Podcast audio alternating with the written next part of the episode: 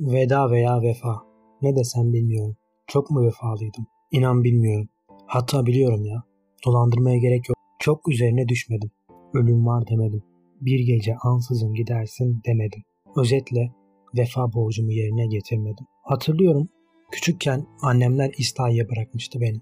Orada hiç unutamadığım, hep hayallerimde kalan anılar, anlar yaşadım. Sabah uyanır, benden önce gider ve koyunların sütünü doldururdum demir tasını ve sonra onu sobanın üzerine koyup ısıtırdım. Ardından da beni uyandırır, içine ben öyle seviyorum diye biraz pekmez dökerdim. Uyanır uyanmaz içerdim. Kaldırırdın yerdeki döşeğimi ve sırf ben seviyorum diye yaptığın incir reçelini tabağa koyup kahvaltımızı hazırlardın. Ardından birlikte kahvaltımızı yapar ve teknolojinin bu kadar gelişmiş olmadığı telefonların 3310 olduğu o günlerde tüm günü birlikte geçirmeye başlardık. Bazen çekirdek alıp sokağa, kapının önüne çıkardık. Çekirdek çittiye çittiye sohbet eder, komşuları dahi davet ederdik. Sonra sohbete devam tabi. Bayağı sarardı. Ama çocuğum işte. O kadar da farkına varamıyordum o zamanların kıymetini. Bazen dama çıkıp üzüm toplardım.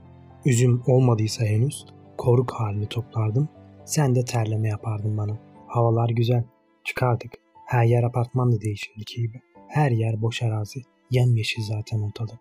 Koştururdum oradan. Sonra birlikte gördüğümüz mantarları toplardık ve şalvarının ön tarafında biriktirip eve gelince sobanın üzerinde pişirirdim.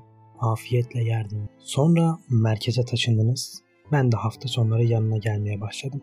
Bir gelirin yoktu. Ancak dedemin verdiği bir miktar parayla geçinirdim.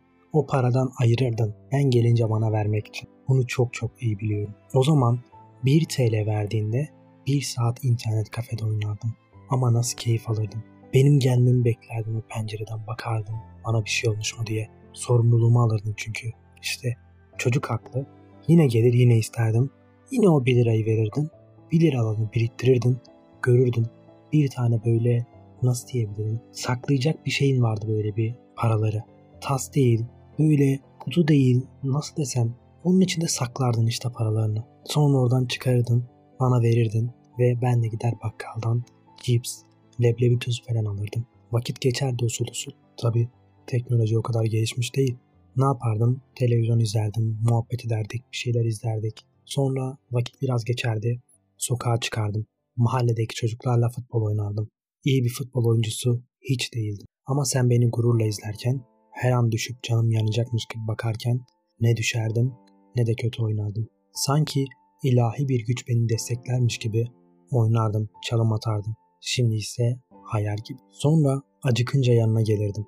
Ya salça dürümünü çoktan hazırlamış olurdun ya da patates kızartmış olurdun bana. Patatesin de bir güzeldi. Böyle elma şeklinde doğrardın. Onu biberle böyle suslardın. Yandı. Sana hasta. Bir tek senin yanında yardım onu. Sonra evime döndüğümde yapmak istediğimde bir türlü o kıvamı tutturamazdım. Yemeğimi yedirdikten sonra otururduk. Dedemin gelmesini beklerdik birlikte. Ne yemek isterim diye sorardın. Önceliğin ben olurdum. Sonra özenle yemeği hazırlardım ve yemeğimizi yerdik. Ardından Akasya durağını izlerdik birlikte. Arka sokakları izlerdik. Gece olurdu. Ben sobaya yakın yatayım, üşümeyeyim diye çabalardım. Çocukluk işte. İnsan şimdi idrak ediyor. E peki neden bu kadar geçmiş zaman gibi konuştum diye düşünenler olabilir. Ya da yeni deprem oldu. Bu podcast'in yeri mi diyenler de olabilir. Bu sebeple bu açıklamayı da ufacık sıkıştırayım araya. Babaannemle çok yakındım. Sonra ben kendi isteğimle mesafe ve duvarlar ördüm. Onun tüm uğraşlarına rağmen aşamayacağı ve sonrasında ufaktan duvarları kırmaya başlayıp arayayım, barışalım artık diye düşündüğüm bir anda bir telefon aldım. O gece saat 4'ü 17 geçe kendim ölüm korkusuyla yüzleşip sonrasındaysa ufak da olsa sakinleyip etraflı olanları idrak ettiğim anda bir haber geldi. Babaannen enkazın altında. Deden çıktı, herkes çıktı ama o ve iki kişi daha enkazın altında. İşte bu podcast bu yüzden var. O an ne denir, ne yapılır, ne olur bilemedim. Çünkü hiç başıma gelmedi. Yakınımı kaybetmedim. Kaybetme korkusuyla dahi yüzleşmedim. O an aklımda sadece babaannemi bir daha göremeyeceğim. Yine de belli edemiyordum. Çünkü kendimce duvarlarım vardı. Belli etmeyi kendimce acizlik olarak görüyordum. Ama içten içe inşallah çıkar diye dua ediyordum. İçimde büyük bir pişmanlık ya çıkamazsa, içimde büyük bir pişmanlık ya çıkamazsa ya bir daha bana o meşhur hitap şeklini duyamazsam diye endişeyle bekledim. Çıkanlar oldu en azından. Her çıkana sevindik. Sonra tüm sevincimi içime boğan Boğazımı düğüm düğmeden o cümleyi duydum. Kuzen, babaannemi kaybettim. İşte çocukluğumun, salçalı ekmeğin ve o meşhur hitap şeklinin gözlerimin önünden geçtiği o an.